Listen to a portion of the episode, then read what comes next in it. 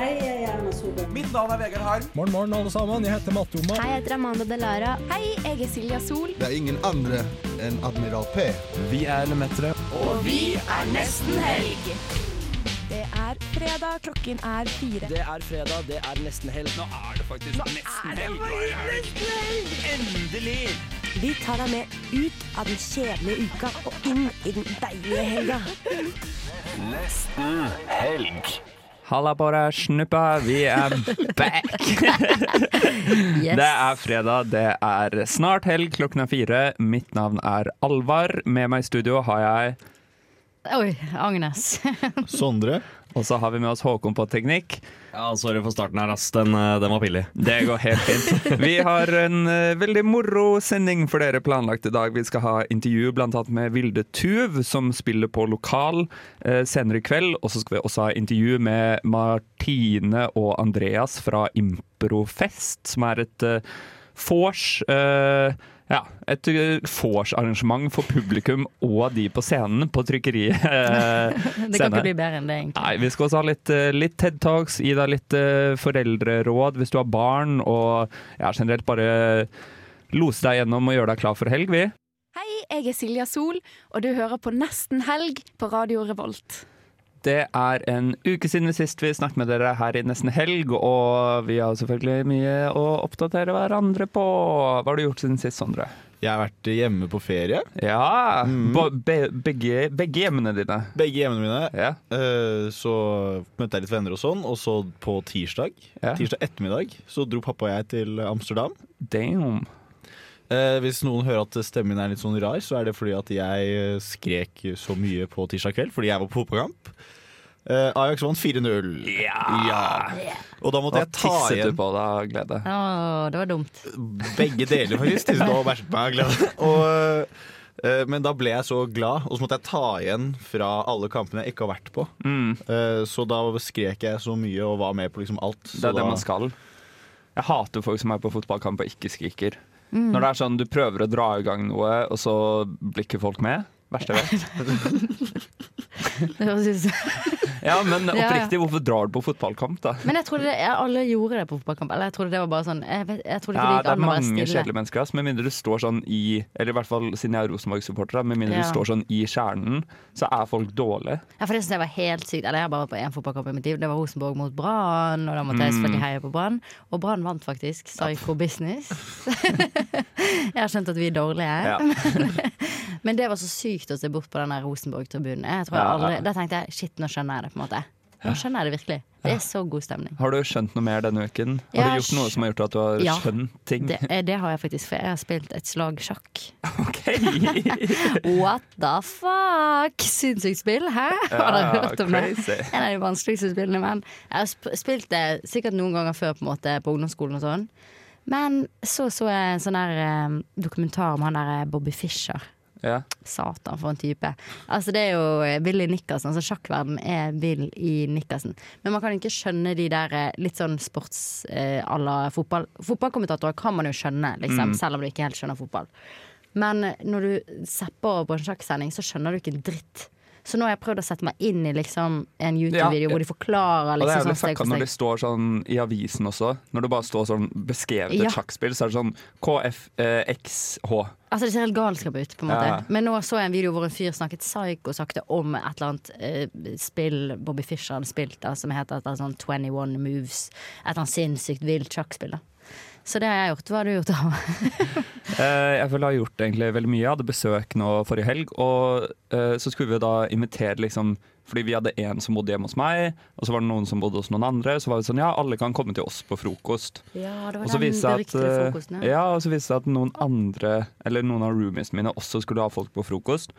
Så da endte vi med å slå de sammen, og så hadde vi verdens største pannekake- og vaffelfrokost med 22 stykker, tror jeg. Og sånn, det var så mye forskjellige toppinger. Vi hadde sånn tacotopping. Eh, det var dritdigg med sånn salsaer og masse forskjellig. Det var sykt, eh, sykt hyggelig. Og så var jeg på latinofest. Ja, sant. Hvordan Ja. var det? Det lurer jeg egentlig mest på alt. Ja, det var veldig gøy. Det var mye reggaeton. Og så eh, Og det var veldig god den stemningen. Først satt vi og spiste, og når de skrudde opp musikken og klokken var ni, så alle kollektivt var sånn «Woo!» og reiste seg. Og det savner jeg jo på norske fester. At folk Ja. er så gira for å kunne gå og danse. Ja, og de danser skikkelig også, håper jeg. Ja, ja. Men så gikk det litt over til salsa, veldig salsate mot slutten. Mm. Uh, og da Følte du det deg var, litt utenfor? ja, det var veldig sånn veldig pardans. da, og da er det litt kjipere å være dårlig. Det er litt lettere å gjemme seg i mengden når det er reggaeton og Ja, liksom bachata. Ja. Ja. Men uh, det er det jeg har gjort, så innholdsrik uke, absolutt. Mitt navn er Vegard Harm, Og mitt navn er Morten Ekseth. og du hører på Nesten helg. Radio Revolt. Revolver. Eh, mens du var eh, og så på Ajax-kamp i Nederland, så var resten av nesten helg på et ganske annet sted. Vi var på klubben på Samfunnet på et ukearrangement som het Morgenbeats. Eh, og så jeg, Astrid og Agnes var der, og der sto det at det skulle være litt yoga, frokost og beats. Så jeg tror alle vi kom jo med liksom tanken om at det skulle være Berlin rave. rave. Ja, ja. Men uh, vi kan jo høre litt av hvordan det gikk. Jeg møter Alvar tidlig tirsdag morgen klokken 07.30. Vi skulle egentlig hatt med oss Agnes òg, og hvor hun er, er vi ikke helt sikre på. Men jeg og Alvar er i hvert fall klar for å delta på ukearrangementet Morgenbeats, som skal være i klubben. Nå sitter vi her i klubben som jeg aldri har sett det før. Eller luktet det før heller. Det lukter uh, Jeg trodde det var tyggi. Jeg trodde det var sånn jordbærtyggi. Nei, det er um, den pyramideteen med red berry Red fruits, tror jeg det er. Red Forest. Red Forest. Det er masse yogamatter utover hele gulvet. Yoga var jo ikke akkurat det vi forventa når vi trykte skall på arrangementet Morgenbeats. Litt forvirra så legger vi oss eh, ned på hver vår eh, yogamatte.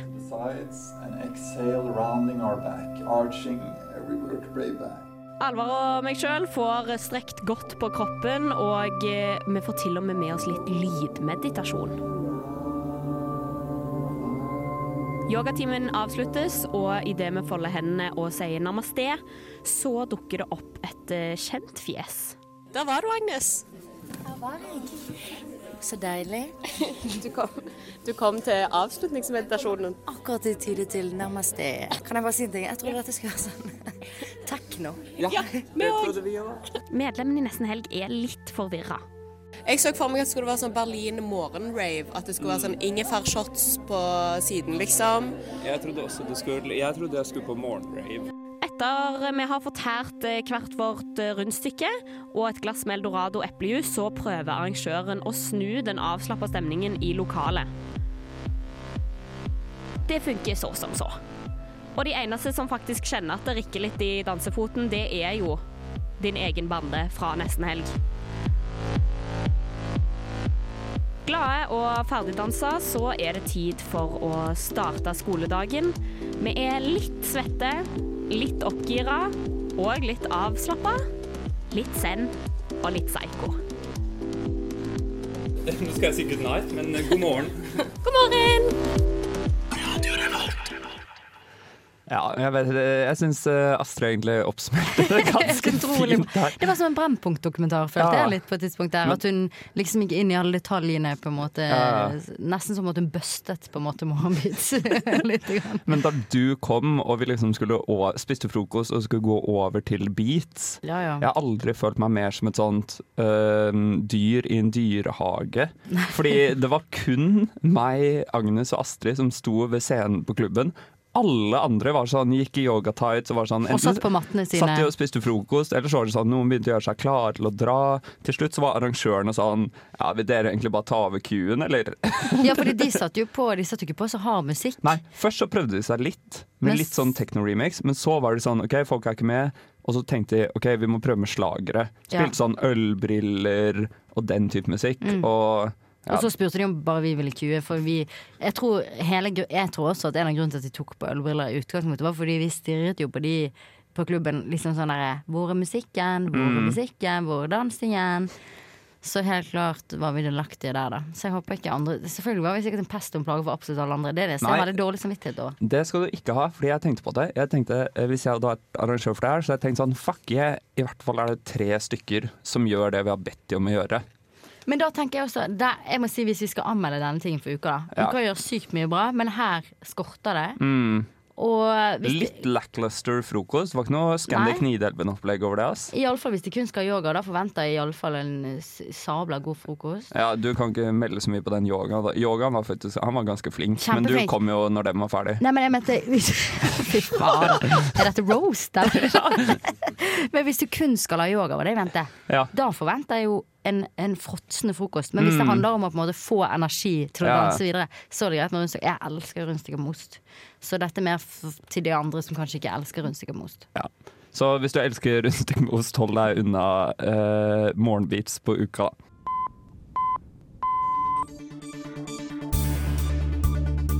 This is breaking news brought to you by Almost Weekend here at Radio Revolve.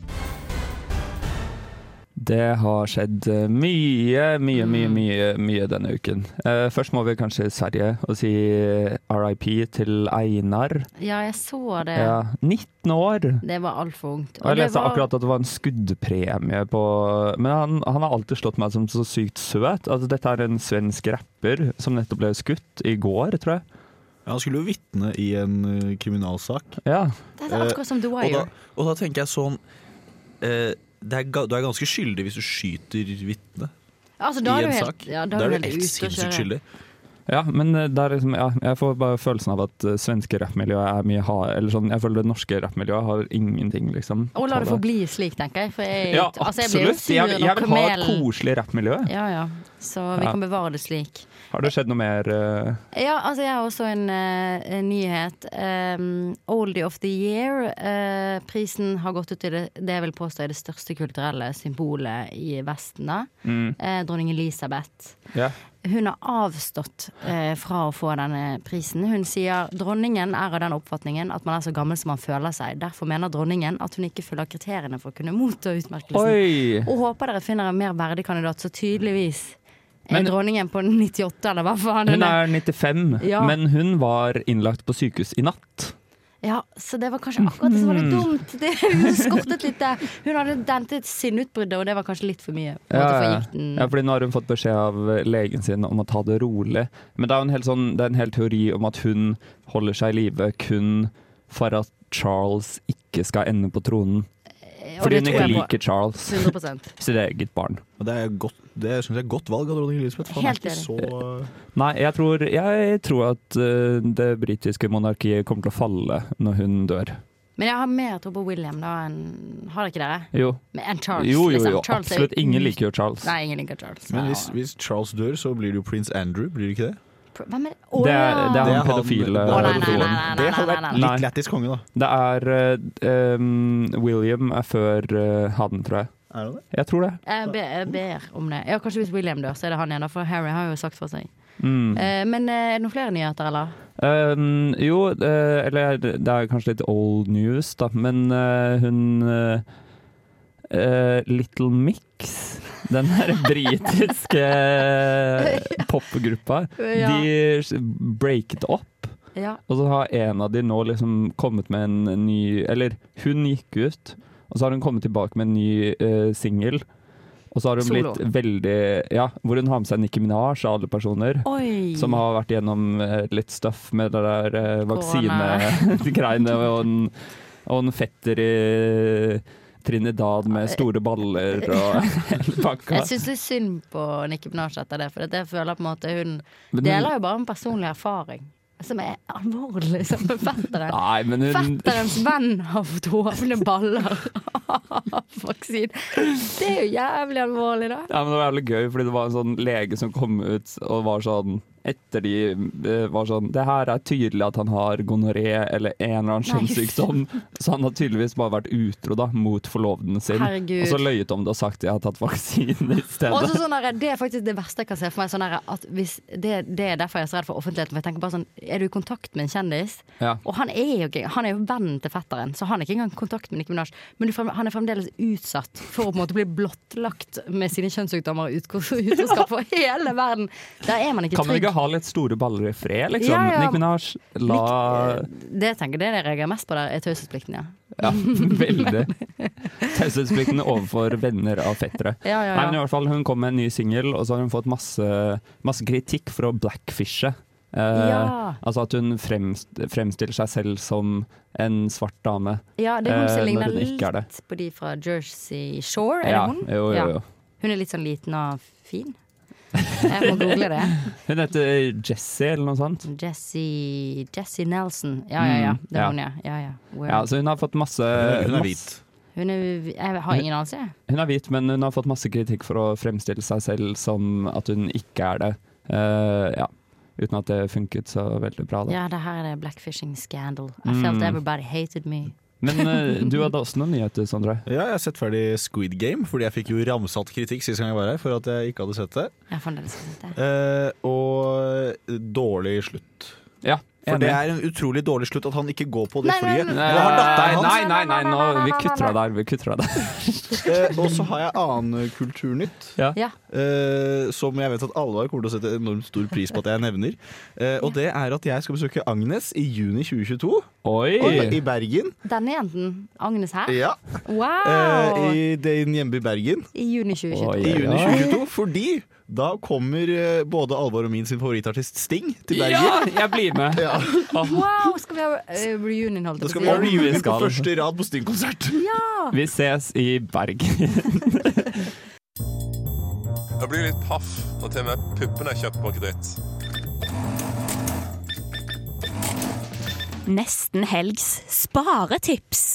Yes, eh, vi kommer tilbake med noen bra sparetips. Vi mm, Jeg trenger i hvert fall det, fordi jeg merker at jeg har unnet meg altfor mye dette semesteret.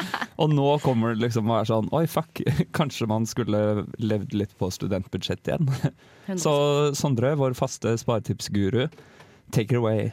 Ja, eh, det, Har dere fulgt med i media i det siste? Nei. Nei. Men har dere eh, fått med dere at det er skyhøye strømpriser? Ja! Koster Eh, tolv kroner å dusje i Norge på mandag. Nei, kødder du? For akkurat det jeg tenkte på i dusjen forleden. Jeg må bare si det, jeg tenkte på det i dusjen forleden Og så tenkte jeg det blir ikke en krone engang, tenkte jeg. Så det var feil. Her er det billig, ja. ja. Oh, ja. Ja, for I Trondheim så er det billig, men, men du vet hvordan mediene er. Liksom, det er bare Oslo hele tida. Ja, word, word, word. Sentralisering. Mm. Eller dette er jo også en by, da. Men Ja. eh, whatever. Men vi sier bare det sånn at Trygve Slagsvold Vedum skal like oss litt bedre og gi oss litt penger fra det statsbudsjettet. I hvert fall, eh, Det er også et sparetips.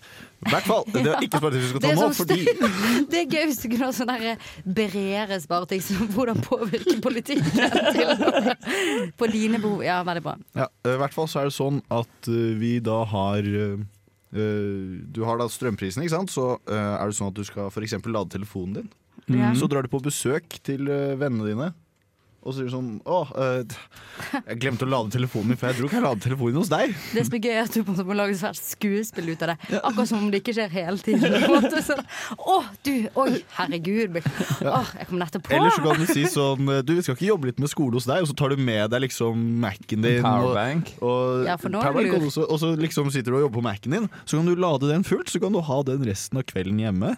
Og du kan putte inn andre ting i veggen Ja. samtidig. Du kan også putte inn andre ting i veggen. Uh, gaffel, for eksempel. Det er heller ikke lurt. Ikke gjør det. Uh, noe annet du også kan gjøre, er å gå til naboen din. Hvis du f.eks. bor i leiligheten med vaskemaskin. Ja. Så sier, du, så sier du sånn ah, vet du hva, vaskemaskinen min den er blitt ødelagt, den. Eh, så om jeg bare kunne, kunne vaska klær hos deg. Og nå begynner jeg å bli skeptisk til alle de som har gjort det på en måte, gjennom tidene. Sånn, for jeg har jo opplevd det før at folk har sagt sånn Vaskemaskinen min har streiket. Har du opplevd det Og nå begynner man jo å lure på om det eh, er et sparetips, men det tror jeg ikke. Nei, men det, det handler om hvis du gjør det, hvis du gjør det når strømprisene er høye. Ja, så Da- skal, da skal jeg plutselig si Da- sånn nei. sånn, nei, vet du hva, min er også ødelagt, så vi kan begge to gå opp til han som bor over oss i Ja, er fjerde etasje. Ja. Men altså, bare sånn du må ikke nødvendigvis til en venn, for å, du har jo tilgang til stikkontakter på skolen. Ja, men da må du på skolen. Det er jo ikke noe gøy. Du kan, da, nå kan du tilfredsstille ditt sosiale behov, Ja, det er sant. og du kan Mm. få ladet alle tingene dine. Men for å, fordi jeg mangler venner, da, så kan jeg invitere alle som vil, alle lytterne våre som vil, eh, ikke vaske klær, men eh, som vil lade ting, kan gjøre det hos oss. Fordi vi har ikke betalt en eh, strømregning i de fem årene vi har bodd, eller noen har bodd Er i dere den redd for en sånn saftig smell som utleier nei fordi vi har sjekket opp, da, og da er det ikke, er det ikke vårt ansvar. Men nei. vi tror, altså det må jo da være inkludert i prisen. Men det står ikke noe om det i kontrakten. Men vi har Mm. ikke betalt en, husleie, nei, en strømregning noen gang. Ja, ikke si det mer. Holdt på å si. Nei, ikke- Nei, nei. For- eh, Ingen vet hvor jeg bor. Ingen vet hvor du bor. Det er Sondre som ikke- snakker. Ja, for jeg tenkte på en ting Man kunne også et sparetips i disse strømtider. Da, på en måte Gå over til aggregat. Eller Eller går til analog livsstil. Ja, men putte sånne ting på dusjen. Altså sånn, Ha en dusj Mm. drevet av et oppladbart batteri som du kan ta med på skolen og lade på skolen. Ja, Slik at alt ikke går på strømmen til huset ditt, men på et eller annet. Men da må du Mm. gjøre en investering i det batteriet da for fremtidige strømkriser. Som det blir mer og mer av. Tror ikke dere? Jo, jeg tror det. Særlig Jeg tror det. Nå skal jeg innynne meg litt hos uh, Trygve igjen, men de har jo lagt den der kabelen til uh, utlandet og sånn. Oi, oi, oi, oi. Greiene der. Nei, det er fra meg som studerer kraftsystem. Så Ja. føler jeg meg litt utsatt. Men blir det mer og mer ustabile eh, strømpriser, tror du fremover, Alvar, ekspert? Um, ja. Det er det Det, er mer, det blir mer, eh, mer ekstremvær og mer høyere mm, Altså høyere andel eh, fornybare energikilder. Gjør de- også det. Men samtidig, når vi kommer bare litt frem i tid, når alle begynner å få batterier eh, i Alle begynner å ha elbiler, så kommer det til å jevnes ganske greit ut. Å ja, det er jo Mm. drittbra, da. Det er jo kjempebra. Ja. Men betyr det eh, Sorry, nå bare lurer jeg. Betyr det sånn at eh, eh, bør man finne på en måte bedre måter å samle Sånn som i Norge med vannkraft når det regner veldig mye. Mm. Kan vi på en måte lagre den, eller må vi gi den vekk? Så forsvinner den. Eh, vi har jo, altså heldigvis, da, så har vi jo vannkraftverk. Altså det er jo magasiner. Det er svære dammer. Okay. Så det er ikke sånn at regn, regnvann Det er jo hele poenget med Norge, er jo at vi faktisk kan lagre vannet. Det er hele poenget. Men uh, vi skal ikke gå inn på Eller hvis du vil, så kan jeg godt forklare hva en dam er for deg. Senere. Du kan senere. med Alvar, og jeg skal snakke med Alvar. Skal vi legge ut en ekstra podkast Ja. om damanlegg. Men, men inntil videre så er i hvert fall svartipset lad hos meg, da. Ja, Ja. det var til Alvar. uh, La det sånn. Det hadde vært så sykt digg om vi kunne drikke på jobb. Nesten helgs vinspalte. Yes, vi er tilbake med vinspalten vår. Det her eh, tester vi billig vin for dere lyttere og gir dere tips på hvilke viner dere burde kjøpe. Da er det visse kriterier vi pleier å gå gjennom. Det er alkoholprosent per pris. Det er eh, lukt og smak, og det er gulvfaktoren, hvor lett den er å chugge. Men det viktigste er alkohol per pris. Ja. Um, og for noen uker siden så hadde jeg med meg en uh, portugisisk vin, uh, rødvin, som het Escada. Og det var veldig gøy, fordi når vi drakk den, så viste det seg at Sondre, Sondre har drukket den før og skrevet på fest klokken hva var det? 11 på kvelden? eller kvart over ni. Ja, det var ja. tidlig. Ja. Hadde skrevet et notat 'ikke kjøp Escada', så den var, falt ikke så i smak. Og det visste ikke om på forhånd. Jeg har rett og slett kjøpt en ny portugisisk rødvin Mm. eh, som koster akkurat det samme som Escada. 109,90. Ja. Har lik eh, alkoholprosent, 12,5. Og den heter altså da Alta Corte, som er litt gøy, fordi Alta betyr høy, og Corte er lav. Det er høy-lav. Høy Så det er umulig å bestemme seg på Ja. Så ingen vet hva vi Men i hvert fall hvis vi skal bedømme på pris, så er den jo veldig gunstig. Eh, ja, det vil jeg si. Det vil jeg si. Det er ikke blant de superbillige, men prosent- 109 er ganske men billig. prosenten gjør opp for det, vil jeg si. For Ja, ja. det finnes noen 11% og 9,5 De er og da, da er det sneaks on the plane, holdt jeg på å si. det gir ikke mening. Nei. Nei. Jeg sitter med en kjempestor slange, et kosedyrslange rundt meg idet vi sitter Litt her. sånn terapidyr. Ja, veldig. Skal vi smake, var det det? Ja. Eh, vi kan lukte litt. Det lukter Lukt- ikke så veldig mye. lukter rødvin, klassisk rødvin. lukter rødvin. Mm, Vi tar en mm. liten slurk. Oi, den var veldig sånn fyldig, følte jeg. Jeg syns den var god, jeg. Ja. Jeg syns den var ballegod, jeg. Mhm. Den var litt sånn fruktig. Den er, litt den er ikke sånn der em, Hva heter det mm, mm, Sånn der eh, Jeg er veldig god på vin, og så smaker den ingenting, og så er den litt sånn eh, hva faen, voksenvin. Den Ja, har mye smak, mm. men den er ikke en barnevin som gjør at den er veldig søt heller. Nei, nei, nei. Men jeg føler litt sånn ja, det var en sånn smaksbombe. Jeg føler jeg drikker sånn utynnet Lerums uh, husholdningssaft på mange måter. Enig. Den har samme farge og samme konsistens også. Som, Mhm. Ja, for den er tjukk. Den smakte mye, ja, og den føltes, den føltes liksom faktisk tykkere ut enn vanlig vin. Ja, og den Gir det mening? sånn Ja, ja, for du ser at den legger seg litt sånn oljete. Er Ja. ikke det en test, da? Om den legger seg liksom på siden av nå prøver Det er i hvert fall en test, eh, nå. En, test, en viss test. Den legger seg litt sånn oljete langs glasset. Skal vi, Hva gir vi den på smak? Syv. Ja, jeg synes jeg er med på en syver. Jeg er også med på en syver. Jeg syns at den eh, hvitvinen det er ikke noe portugisere kan, men rødvin er de bedre på. Altså. Ja. Ja, for jeg får lyst til å reise til Portugal. Nei, det fant jeg på nå. Men jeg får jo lyst generelt til å reise til Portugal. Men kanskje ikke akkurat av det. Jeg vet ikke. Nei, skal vi ta en gulving? Ja, det gruer meg til, kjenner jeg. Ja, for det- det er fordi det er så mye smak igjen. Ja, jeg har fylt opp i store glass. Vi trenger ikke ta hele. med- okay, Ok, chin chin. En, to, tre. Åh. Det gikk egentlig fint. Det var ikke meningen. Oi, tekniker chugger Det hele driten. Teknikeren er nede fortelling. Resten av sendingen. Huff. Da har vi selvkjør. Hva syns vi? Hva syns vi? Um, Jeg syns ikke den var så god gulv, jeg, egentlig. jeg syns den var grei. Det var ikke det verste jeg opplevde, men jeg måtte gjøre det. der. Greiene, så det er jo et dårlig tegn. på en måte Men det er kanskje fordi man forventer det verste, på en måte men det gikk greit. Jeg vet ikke, jeg har litt lyst til å høre med teknikere hvordan du syns det var siden du faktisk tok hele driten. Det var, det var ikke så gærent, på en måte. Det, men, men jeg er nesten litt uenig med, med at dere gir den syv. Jeg syns den var åtte. Altså. Det er så mye vin, rødvin som jeg har smakt, og liksom fått litt servert til, eh, til eh, noe god kjøtt på noen eh, på noen julaftener, da. Oi. Eh, og Det er sånn, det er sånn 14 år Ja, sånn. ja. Rødvin Det var veldig gøy når du kom med det at det var julaftener og ikke restauranter eller Bitte lille Håkon som uh, fylliker fra starten. Ja, det. Ja, det Nei da, men eh, det er, Jeg har aldri likt rødvin noe særlig, men denne her traff meg litt ekstra. Altså. Oi, det betyr, betyr, oi, oi, det betyr masse for scoren, det. Ja. Hvis, det, ja, ja. hvis en vin Hvis er faktisk som, treffer hvis det er en som ikke er vant med rødvin, som syns den er god, det føler jeg som teller mest. ikke liker det så godt. Vi snakker jo ikke til folk som er rødvinkjennere her. Nei, aldri gjort. Aldri kommer jeg til å gjøre det. Og angående den chuggingen, jeg visste ikke helt hva dere skulle, så jeg bare tok hele greia, for jeg antar at gulving var sånn Jo. et annet ord Mm. for det, er det. vi alle vet om. Det var det vi skulle ha gjort. Det var det vi ha gjort. Det var bare Å. det at vi, vi fikk lov til å la være. Men jeg har bare litt slurk igjen. Jeg kan ta den. Jeg tar den nå, jeg. Ja, for jeg eh, har jo vondt i halsen, ref eh, forrige tirsdags eh, fotballkamp fortsatt. Ja. Og så for meg så gikk det jo ikke. Så jeg, føler, jeg må egentlig melde meg ut fra gulvefaktoren, fordi Ja. jeg har medisinsk problem. Har Men da får du en karakter to på gulving. Ja. Ja, er enig, enig. Pluss at jeg vil si at egentlig hvis du får forkjølet, siden denne hadde så mye smak og sånn, Det er litt sånn hostesaft. At Ja. vi hadde lindret halsen din hvis du hadde gulvet. Jeg tipper den hadde det. Du hadde blitt frisk da. Yes, da Men, kan eh, jeg ta, går jeg ut og kjøper, kjøper en ny en. Men skal vi ta en en samlet score, da? Pris, der er den oppe på en åtter. Ja. Fordi 110 kroner for 12,5 er greit, syns jeg i hvert fall. ja, ja. ja, ja. Um, smak var det 7778. Gølving, jeg er også på syv, kanskje.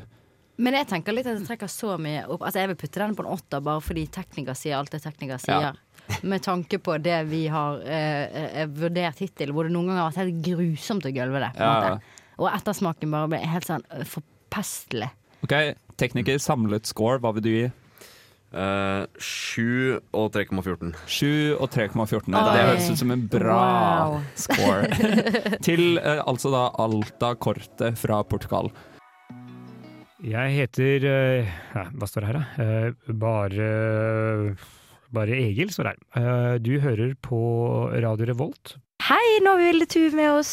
Hei! Først og fremst skal jo du spille på lokalklubb eh, i kveld, sant? Ja, det skal jeg. Men jeg tenkte for nye lyttere som kanskje ikke har hørt eh, om deg før, litt før vi går inn i musikken din, kan, kanskje du kunne fortalt litt grann om deg selv, bare? Ja, det kan jeg eh, gjerne gjøre. Jeg heter Vilde Tuv, og jeg er artist og musiker og eh, ja, komponist, produsent. Jeg har bodd i Trondheim én gang. Da gikk jeg på Trøndertun folkehøgskole, på rockelinjen. Så det var min eh, dåp inn i rockelivet. Eh, og da spilte jeg på Trønders mesterskap i rock med bandet mitt Lada. Oi. Og sammen med Farao, en, en artist heter Farao, hun spilte trommer, og en som heter Julie, spilte gitar. Og så jeg spilte nei, bass.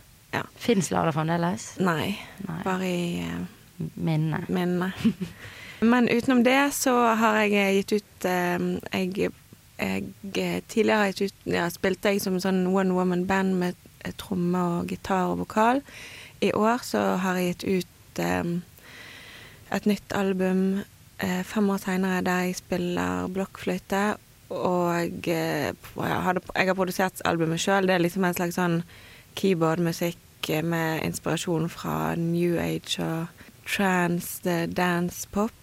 Mm. Og det albumet Melting Songs. Ja, det heter Melting Songs, og det er instrumentale eh, album. Og så komponerer jeg litt for ja, Jeg har i det siste komponert litt for danseforestillinger og fått sånn forskjellige gøye ting å gjøre på. Eh, men i år er faktisk første året jeg, jeg er lever av å være musiker, for det har ikke jeg hatt liksom selvdisiplin til å gjøre før, så nå har jeg endelig liksom blitt voksen nok til å gjøre det. Men det har tatt lang tid, da. Wow, men gratulerer. Det er Tusen takk. utrolig. Og du produserer masse. Du jobber jo, virker det som, hele tiden hvis du driver og produserer for dansefestivaler og gir ut nye album. For jeg tenkte kanskje vi kunne Ja. snakke litt om eh, Melting Songs.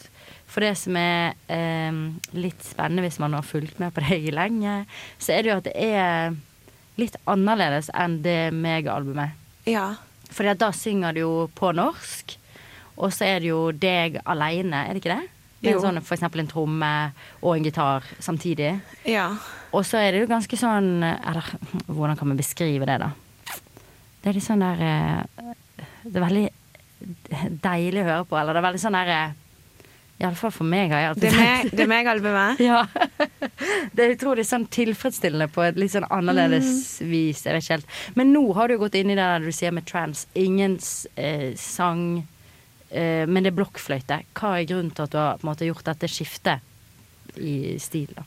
Ja, um, for meg så er det jo kanskje mer at jeg følte jo det, mitt forrige album at det var liksom et noe, en liksom sånn idé jeg hadde funnet på. Ja, det er morsomt hvis man spiller gitar og tromme samtidig, sånn som Det er jo liksom sånn noen gatemusikanter og sånn, men hva hvis man liksom prøver å gjøre noe litt sånn ikke bare fordi man må, men hva hvis man prøver å gjøre noe kult ut av det, liksom.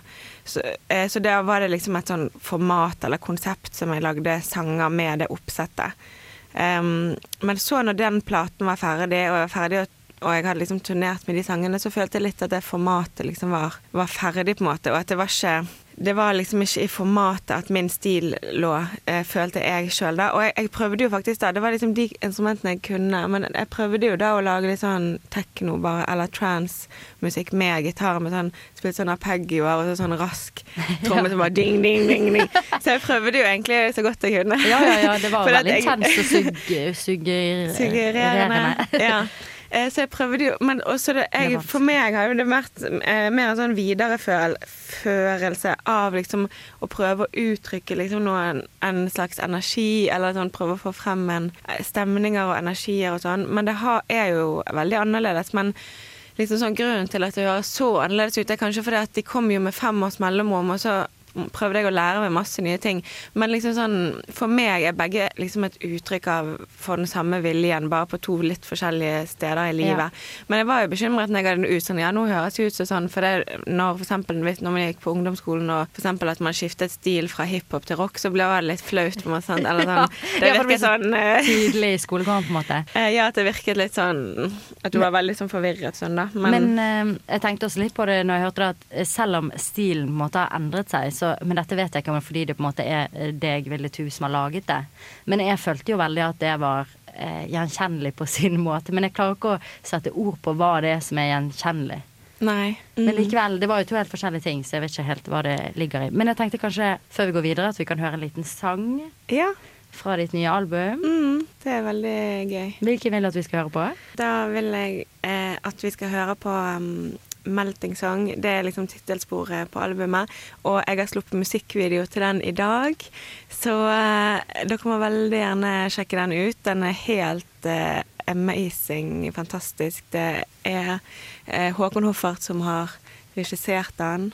Han vant Spellemann for beste musikkvideo i fjor. Og den er bare helt sinnssyk. Den er veldig kul, så vær så god. Ja, da har vi hørt Melting-song her på nesten helg, og jeg sitter fremdeles med Vilde Tuv. Ja. Skal du fortelle litt mer? ja, jeg har jo eh, Ja, det startet egentlig med at eh, til jul så fikk jeg noe sånn stearin, for jeg hadde sett noen sånne lys på YouTube, så fikk jeg sånn stearin og sånn farge og sånn til å lage sånn hjemmelagde lys. Og så var det sånn, gikk det bare altfor langt, den hobbyen. Så når hvis dere ser i den musikkvideoen, så er det liksom Det er liksom jeg som har lagd ja, de fleste av de lysene som ja, det, liksom, det handler liksom om noen sånn stearinlys som begynner å leve sin egen liv. Sitt eget liv. eh, men det er litt sånn Og det gir mening, ja, for det melter jo.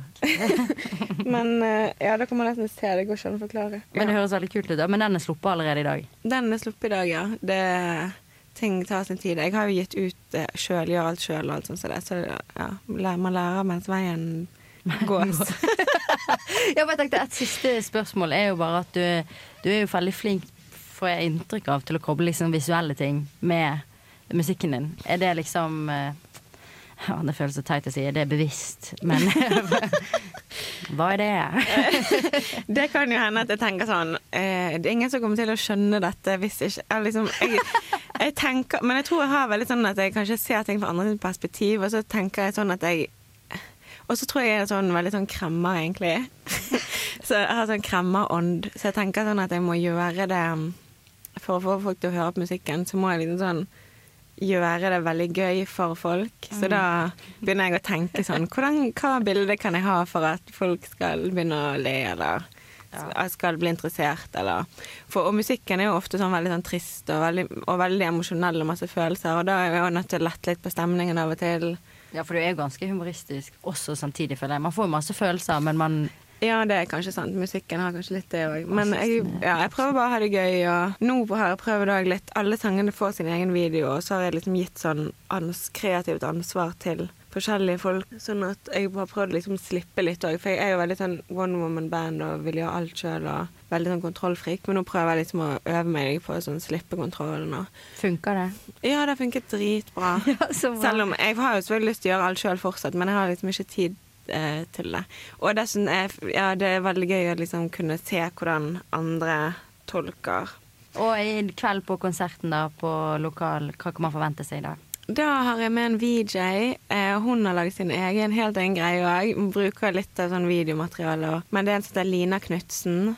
En eh, kjempeflink eh, kunstner fra Bergen. Det er en som heter Kine fra Bergen som hekler. Hun har laget en sånn ramme, heklet ramme i dopapir som skal spille masse sanger.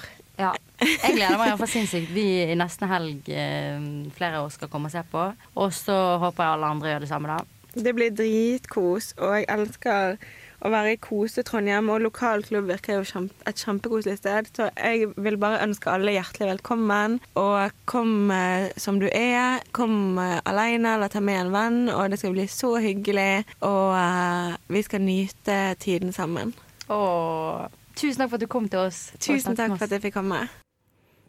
Åh, Nydelig menneske. Nydelig menneske, virkelig. Og Jeg det blir, jeg tror meg, det blir en dritfet konsert igjen, må jeg si.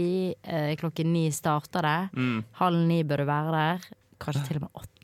Oi. Halv, der halv åtte hvis du vil ha første radplass. Dørene åpner halv ni. Du kan jo ta deg en øl på lokalet eller et Ja. vann. Og så skal jo uh, Sagtann fra Radio Revolt skal ha DJ-sett på lokal scene klokken ti etter eh, konserten. Og det må sies, at DJ-settet på uh, lokalet er dritbra, liksom. Så Ja, ja, og Sagtann er er Rutta. Ja, så er det er da elektronikaprogrammet til Radio Revolt.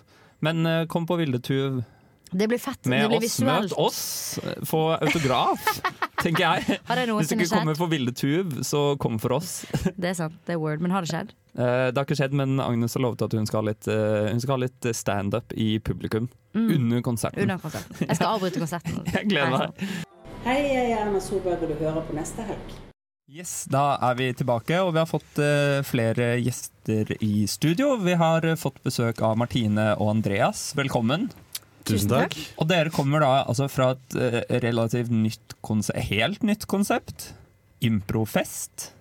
Ja, eh, det er jo Det er jo nytt. Det er jo god gammeldags stjeling fra hovedstaden, som man alltid bør gjøre. Stjele der hvor eh, konseptene lever og bor. Det er sånn det går med oss i distriktene, vet du. Vi Ja. må stjele litt fra de. Ja, Men nå har vi fått Senterpartiet inn, så nå skal det bli oppsving her også. Hva er improfest? Du, Det er en improvisert forestilling som eh, skal være en hjemmefest Mm. hos eh, meg, Andreas, da, som mm. inviterer improvisatører hjem til meg på scenen. Hvor vi skal spille kort og morsom og hyggelig impro. Eh, kombinert med at det skal drikkes en del alkohol. Ja. Ja. Ikke bare i publikum, dere skal også drikke. Ja, ikke hovedsakelig oss, men f.eks. i forestillingen Ja. så er det sånn at eh, gode forslag Mm. premieres med et lite glass. Oi! Ja. Mhm. Men for hvis skjenkemyndighetene hører på, så sier jeg ikke noe om innholdet i det glasset, men det kan jo voksne folk tenke seg sjøl, og barn. De kan glede seg til å skjønne det en dag i fremtiden. ja. Men fordi det har jeg tenkt på Jeg jeg har sett i hvert fall Martine på impro litt og sånn.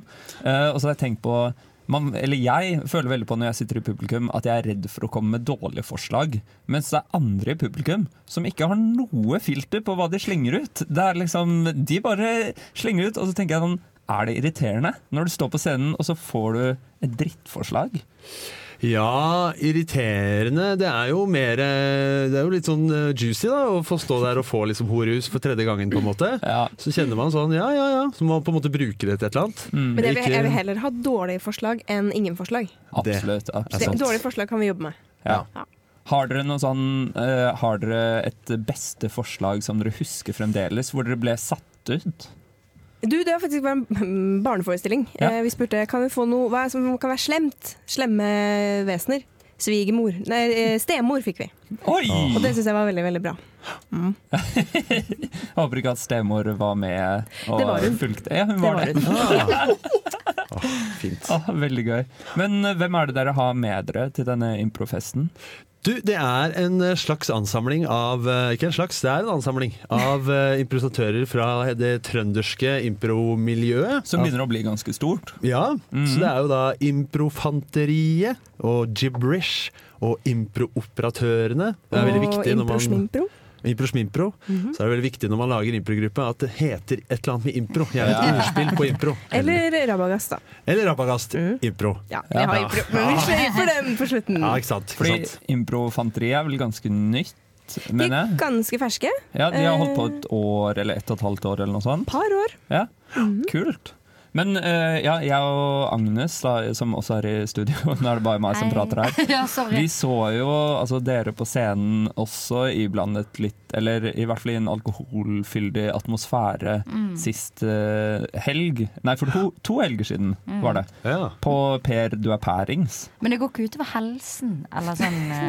Uh, Per er pærings, eller Nei, nå at dere fortsetter litt Dere fortsetter litt det drikkekonseptet. Eller jeg begynner å, jeg begynner å bli bekymret. Ja, nei, altså i, i, eh, i Improfest så er det jo jeg som leder, så jeg kommer ikke til å konsumere så veldig mye alkohol. Nei. Så vi, vi deler det utover. Vi smører alkoholen utover, eh, tynt utover eh, hele impro-befolkningen. Det er god alkoholhygiene, vil jeg påstå. Da. Ja, da slipper du at én blir alkoholiker. Da er det heller flere som får- litt problemer.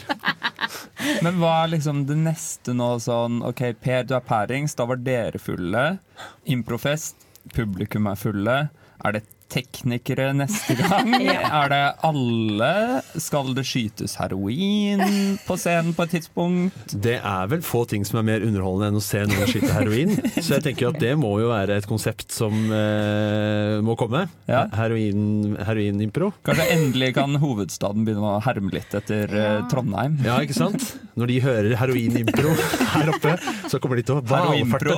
Heroinpro! Heroinpro! Konseptet er klart. Ja, Enten det eller noe sånn eh, psych- psychedelics. Ja. Sopp eller et eller annet sånt. Det er kanskje litt gøyere. gøyere. Og det føles litt mer lovlig òg, siden man kan finne det ut i naturen. Ikke sant? Naturimpro. Fy faen, vi har laga et nytt konsept. Det, ok, nå har jeg et nytt konsept. Jeg kan ta med folk ut på tur, plukke flein.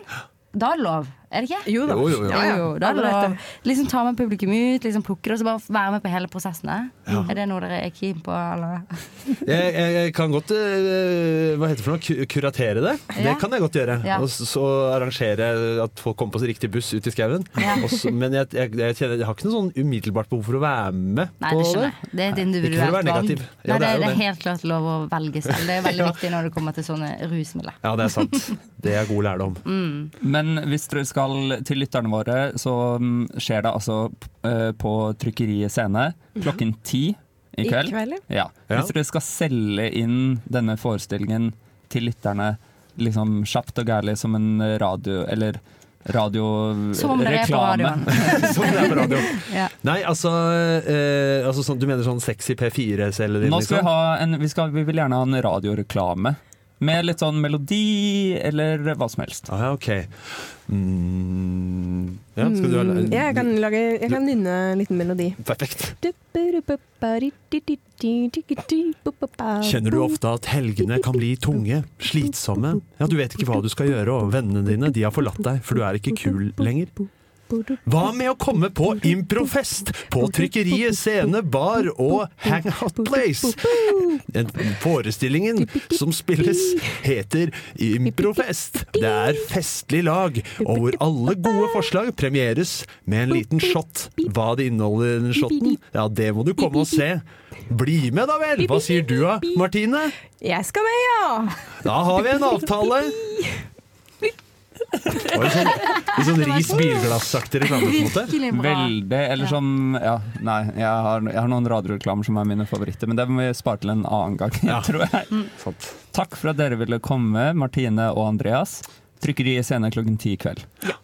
Du får ikke beskrevet drikke hvis du er flink. Ikke beskrevet drikke? Ja, eller drikken er ikke beskrevet. Du får kanskje noe som du Ja. ikke vet hva er. Nettopp. Ja. For et glass.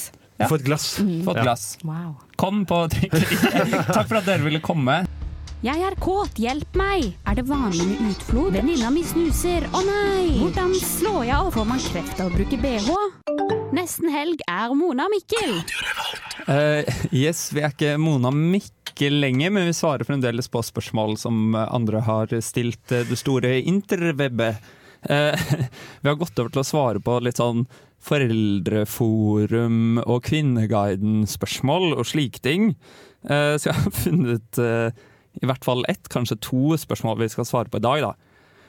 Denne heter 'Begynt å bruke trusler på det trassige barnet'. Er så lei. Og så sånn smilefjes-smile-emoji med kryss over øynene. Fireåringen har begynt med, et enormt trass etter at jeg begynte å jobbe fullt. Hun nekter å kle seg når jeg henter i barnehagen, og hyler at favorittansatte der må kle henne. Hun krever å gå inn bakluka når hun skal sette seg, hun krever to boller når jeg sier én, hun krever å sitte med sekk i bilsetet, og når jeg sier nei, så krever hun å ta dem av og på tre ganger før hun setter seg i bilen. Jeg blir helt utslitt. I dag brukte jeg sju minutter på parkeringen utenfor barnehagen. Har begynt å true barnet nå. Truer ikke med ille ting, men slike ting som å slå av TV-en, at hun ikke får besøke noen venninner på en uke, eller at hun ikke får middag om hun ikke slutter. Er jeg en ille mamma som truer? Uh, ja. Uh, men Det er veldig gøy, fordi det er første, første svar hun har fått, er ja. Punktum. Ja, og jeg vil gjerne si uh, ja, men eh, hvis ungen din er sånn, så vil jeg bare eh, latt henne besøke masse venninner, så fikk du litt fri. Ja. Og så det er sånn, og du får ikke middag og sånn, det er liksom greit, men Nei, jeg ville, jeg ville sendt henne til andre venninner. EVT, eventuelt, altså. Eh, sendt henne bort, altså adopsjon. Hva tenker du om det, Dette barnet, eh, jeg tenker det er helt lovlig å adoptere bort et sånt eh, form for barn. I alle fall tenker jeg også i disse tider at eh, adopsjon eh, er jo litt i, ikke i vinden nå. Så det kan jo være med å starte en ny Ja, trend. ikke sant? Kanskje hun skal dra den litt lenger og melde seg selv inn til barnevernet? Det, det er aldri dumt. Og så det som barnevernet stiller opp for enhver. På en måte. Mm. Og om du vil gi hvert ungen din, så blir, tror jeg barnevernet bare blir glad for at de får en så cut and dry-type sak. da. Nei, ja, ja. absolutt. Men hva hadde vi gjort? Altså sånn, Hva gjør det med et så trast barn? Hva er beste, hva er beste greia, liksom, å gjøre? Er det truing? For jeg føler at det er sånn Ja, jeg vet Og ikke. vold er utdatert, så det er ikke Vold er greit. utdatert. Mm. Uh, jeg For det at, syns jeg nesten Når kommer det på moten igjen? ja, fordi nå Ja, er vi det går liksom opp og ned. Ja. som Det tar sånn, jeg tipper om 15 år, så er vi tilbake. ja, så er vi liksom. tilbake igjen. Ja, Men fordi jeg føler at hvis jeg eh, får barn, så kommer jeg til å slite med at jeg har så sykt lyst til å være kompis med kiden min, liksom. Ja. At jeg kommer, ikke til å, jeg kommer til å slite med å være streng. Ja, for jeg tenker bare si nei og la det grine ut, liksom. Bare Ja. si nei og la det grine ut. Er det lov å si? Ja. Ja, da mener jeg det. Det er jo en helt egen filosofi innen barneoppdragelse. Ja, og, og, og den er jo ikke bra generelt, men jeg hvis, de, men jeg tenker hvis du er helt fucked, så er det litt sånn her Det virker som dette kanskje er en som bøyer seg litt for barnet sitt, da. Da er det kanskje på tide å liksom Show them who's the boss og Jeg for jeg tenker, har litt jeg får vondt inni meg av å si sånn. For det føles så reelt plutselig. Ja. Jeg mener ikke å si noen tips til foreldre. Jeg har ikke lyst til det. Nei, men jeg tenker ha litt selvrespekt. Og sånn, nei er nei. Ja, nei, nei, ja. Ja, ja, ja. Det er samtykkelov. Og så hvis, hvis ungen din fortsetter, så kan du si sånn, så kan du si sånn Vet du hva, nei er nei, det er samtykkelov. Ja, nei, nei, er nei. ja, det er loven. Vo voldtektsmann! Og så kan du begynne da kjøre på med Begynne på den Men det, men det går andre veien også, da. At du må begynne med barnet ditt og være sånn Samtykker du at jeg kan kle på deg Ja, klærne dine? er. Nei, men det er, du er verge til barnet, så det går fint. Ja, det. Det er sant, du verger. Men jeg føler, at, jeg føler at trusler er kanskje ikke bra, men å stå fast ved prinsippene, det må man, altså. Det må man, og så må man jo Man kan jo kose med dem selv om du sier Altså, de kan grine seg ut, så kan du kose med dem, men du skal Ja. ikke bikke likevel. Ja. Du kan jo si nei, og så kan du grine, og så kan du kose. Ja. Hei, det er Thomas Seltzer her. Du hører på Nesten Helg på Radio Revolt. Ja, og så er vi tilbake igjen. Og det jeg har tenkt på litt i siste, er jo med tanke på denne sendingen, er at vi har snakket en god del om eh, om improvisasjon. Ja. Mm, Å, å. mm, dere liker det? Å, det har vi. Og føler dere ikke at Trondheim kanskje har et eksepsjonelt improvisasjonsmiljø? Ekstremt! Det er så mange improartister per hode, liksom. Men så er mitt spørsmål på en måte sånn, hva betyr det eh, eller hva sier det om Trondheim sin befolkning, på en måte Mm. sett under ett? Er det et, større eksponeringsbehov liksom, per Jeg tror det handler om et behov for å uh, forsvinne ut av Trondheim. Mm, forsvinne Oh. ut av det der dårlige været og Ja. virkeligheten. ja, for vi er alle, Det er en fin by, akkurat den delen med Nidarosdomen, på en måte. Men er vi enige om at det ikke er verdens fineste by, eller er vi uenige om det? Det er vi enige om. Jeg var på tur i uh, denne uken her, til Amsterdam. Mm. Og det må Oi, si du, kommer du kanskje fra Er du i Nederland? Slapp litt. Nå skal han komme og være sånn der Vet du hva, faktisk, i Amsterdam så har de en sykt bra struktur i sentrum. De har sånn elver Ja. gjennom sentrum. ja, eh, Som er jeg, vil si, matematisk. jeg vil si da i hvert fall eh, mitt poeng, da, før Jeg alle vet ikke om dere har begynt å hørt om mobbe eh, meg. Anne Frank? Men sier dere dette? Men, men ja. jeg vil si at eh, Amsterdam det har eh, bedre vær og bedre, penere by. Helloke. Er det Ja. et nederlandsk ord? Veldig bra. Helloke. Det er mulig. det er nederlandsk. Nauk in the coke er også nederlandsk. Loke the coke. Ja, for det, ja, men det er mye fjernarbeid. Og jeg kan si Men nei. Men ok, da kan vi, da skal vi begynne å liste opp Nei, byer som er finere gjøre- og har finere vær enn Trondheim, da, Du har liksom. rett i at jeg har holdt på å begynne å gjøre det. Men eh, mitt poeng var hva er det som gjør eh, trøndere, eller ikke trøndere, men de som velger å søke seg hit som studenter også, til mennesker med et høyere eksponeringsbehov enn i andre byer? Er det en økt narsissisme i Trondheim, tror dere? Eller eh, tror dere det handler om en sånn type underdog-fenomen, hvor folk som kanskje har vært under før i livet, vil på en måte eh, gjøre seg toppen gjeldende? nå.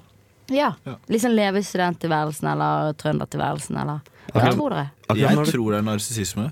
Du tror det er narsissist? Fordi jeg er i hvert fall narsissist. Og liksom, jeg har et veldig høyt eksponeringsbehov. Ja. Så i hvert fall meg, da. Ja. Hvis jeg skal bruke meg som eksempel, Helt, så greit. vil jeg si at det er eksponeringsbehov. At Hvor- det er et narsissistisk eksponeringsbehov. Men føler du at narsissisme kan stå i veien for deg? Eller eh, når du er narsissist, på en måte.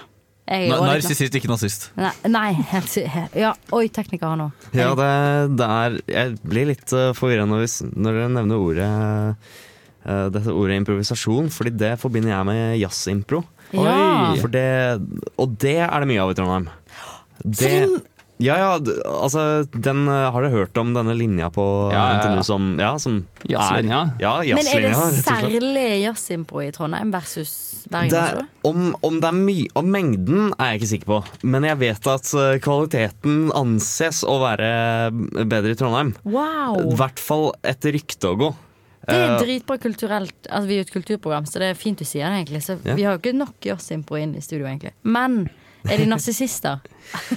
og, og hvorvidt det, det Det er nesten noe jeg ikke skal uttale meg om, men eh, det er Jeg vil ikke kalle de jeg kjenner av dem uh, For jeg er god i musikkteknologi selv og har jobbet litt med dem. De er ikke veldig narsissister av seg. De er veldig sånn eneste de kan være, er at de er litt picky på uh, hvordan uh, ting skal tas opp og, uh, Ja, og for, slikt. da. for det biter meg merke i, i den setningen du sa. De er ikke veldig, men de er altså litt, tenker jeg da. Nei. Ja, men men da sånn putter er i tøft uh, i slitsom posisjon. Men kanskje. ka- kanskje sånn er det med, med generelt skapende folk. Du må Men altså Ja, det er sant. Det Det er en en grense Det er en veldig hårfin grense på det der med å være narsissist og det å vite at du kan ting. På en måte. Helt sant. Fordi det er litt sånn Du må jo Hvis du, hvis du kan mye og er flink til eh, noe kjempemye, ikke sant, så, Mm. så kommer det til, eh, til det punktet hvor du hvor du bare snakker deg selv ned hele tida, Ja. Men er konklusjonen da at flinke folk kommer til Trondheim, da kanskje? Uh, jeg, det vet jeg ikke om jeg vil si noe om, men det du snakket om at eh, eh, folk som kan mye, at de liksom til slutt bare ender Det de ender med, er jo å gi TED Talks. Og vår neste spalte er jo TED Talk-spalten vår. Hvor eh, en i studio får et, eh, en faktisk eh, tittel på en TED Talk. Så får de én låt på å forberede TED Talken, og så må de rett og slett holde en TED Talk. Jeg tenkte at du, Agnes, skal få holde en TED-talk eh, i dag. Og eh, tittelen på denne TED Talken heter 'The History of Our World in 18 Minutes'. Du skal få lov til å gjøre det på fire minutter. Høre noe som kommer til å revolusjonere livet ditt. Begynner jeg rett på? Ja. Du er på. Hey guys, and welcome to my TED Talk. Thank you so much for coming. Uh, today I'm going to talk about something a lot of people have been wondering about the history of our world. And uh, first, I want to start off by saying, what is the world really? What uh, does it mean to be a part of a world? And uh, I was thinking about this, and I guess you guys have as well. Uh, it's a constant um, um, thought in people's minds.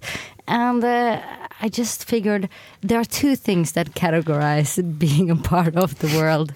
It is, uh, first of all, you are a people. you are.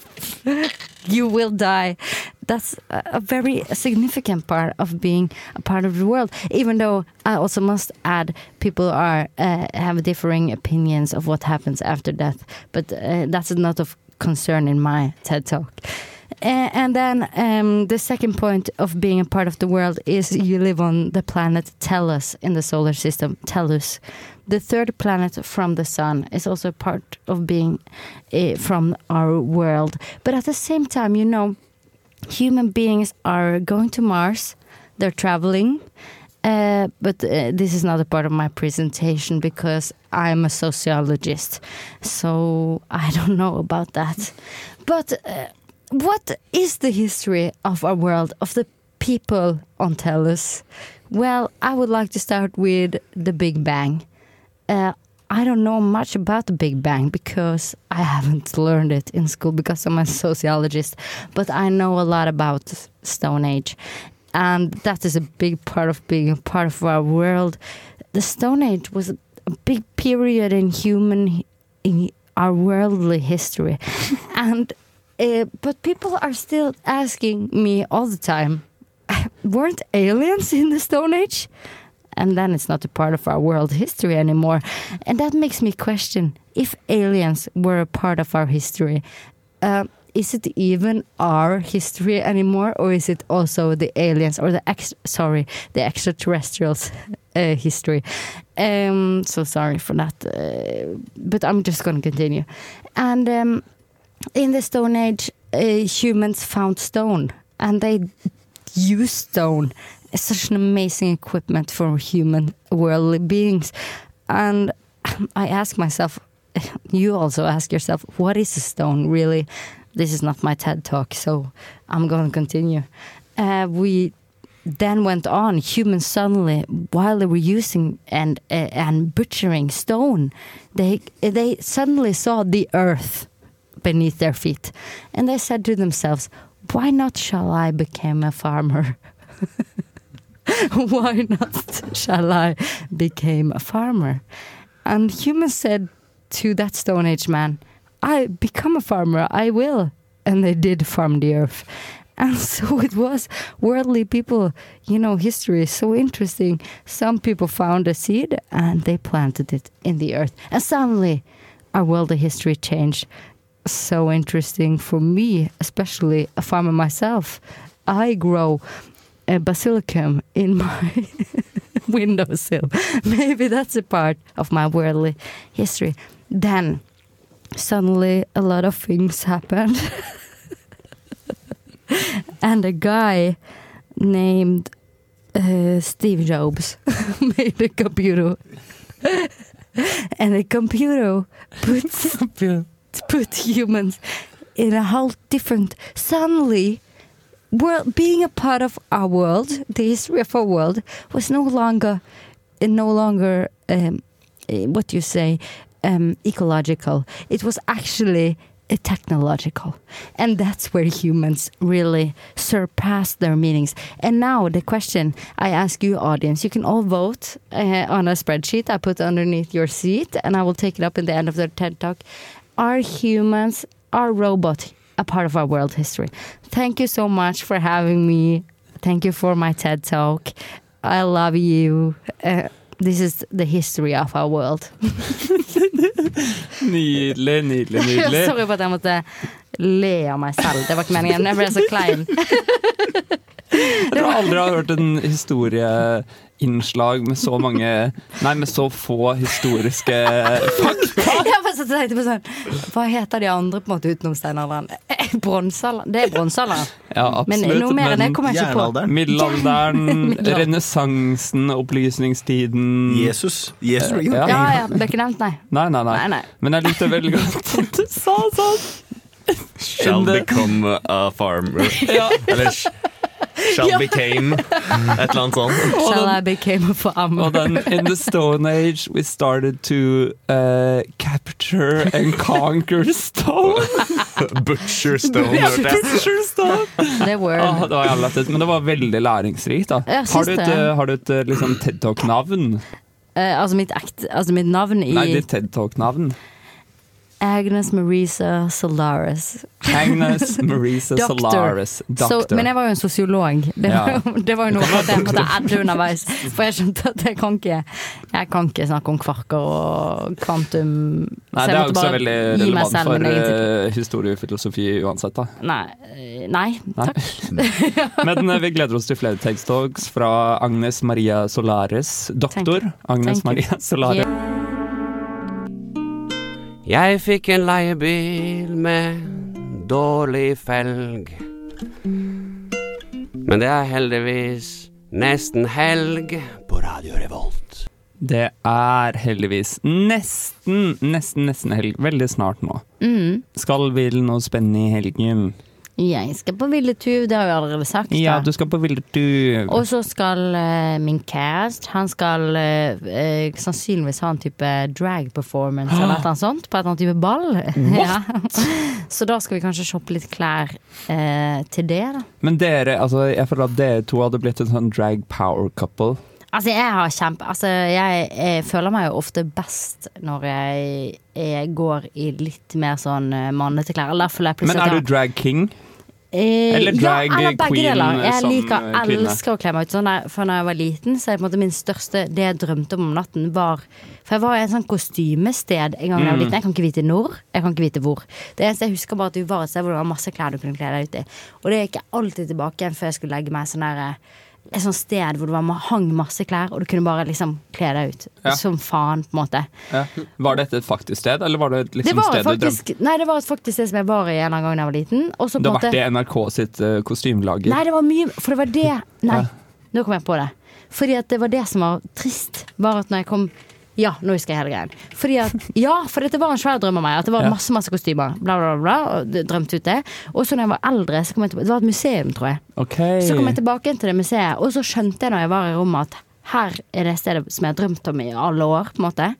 Og det var bare en sånn kiste med sånn Du vet sånn bare en boks med vanlig utkledningstøy, Ja, og på en måte to ting som hang på, på, på hyllen, på en måte, holdt jeg på å si. Det var sånn her utrolig skuffende. Det skulle nesten aldri ha kommet tilbake igjen dit, for det var et sånt museum. Jeg kan ikke huske hva slags museum.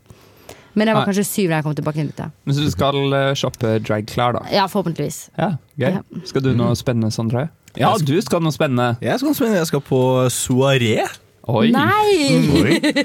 Og for eh, lytterne, ikke oss andre som ikke vet, men for lytterne som kanskje ikke vet hva en soaré er. Uh, det, er, det er sånn jeg har forstått det, så er det som et ball. uh, og så bare har det et annet navn. Ja. Jo, Ja. det er et ball, men det er også kulturelt innslag. Ja, for du må nesten si hvilket ball dette er. Det er for luftkrigsskolen. Som Exakt. jeg ikke går på. Og ikke har gått på. Nei, jeg har ikke gått i førstegangstjeneste engang. Jeg vet ikke, jeg kan ingenting om militæret. Men du la ut på en sånn Sugar, eh, sugar Babe-side, gjorde du ikke det? Sånn Mm. 'jeg vil gjerne akkompagnere deg på et ball'. Ja, så ble du kontakta. Så ble jeg kontaktet av liksom en av de sånn generalene da, på sånn 67 år. Er det sant? Ja. Ja, nei, det var det løgn. Men, men Håkon, hva skal du i helgen, da? Å, jeg, jeg skal Nå må jeg huske hva jeg skal i helgen. Skal jeg i helgen? Ja, jeg skal, eh, jeg skal skru en liten konsert på søndag. Du skal skru en konsert? Ja, det er det.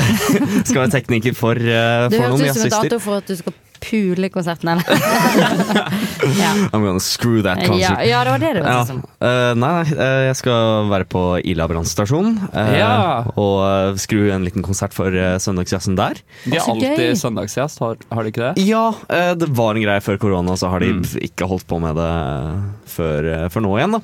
Så jeg har fått, eh, jeg har fått bli med der, da, og det er dritgøy. Ah, så gøy. Shit, så kult. Og Ila brannstasjon er jo på en måte et jævlig hyggelig sted. En- det bør vi ja. også egentlig pitche. staple i Trondheim, vil Ja, jeg si. 100 Det er en koselig, koselig liten scene. Men det er Mm. minste scene jeg noensinne har sett. Ja, ja. Men det er det som er litt hyggelig, at de tar på en måte inn eh, Ofte føler jeg at de tar inn folk som er eh, litt mer ukjente på en mer reell måte. Og sånn som vi har jo snakket Vi har jo mye knausartister inn hit, Mm. men uh, der har du virkelig på en måte Der kan du oppdage noe nytt. Virkelig. Ja, absolutt. Og hvis du ikke skal på Ila brannstasjon på søndag, eller du kan sikkert det òg, så kan du jo komme innom klubben på Samfunnet klokken fem. Fordi da skal jeg prate Nei. på la utesending uh, med, gjennom ukesenderen.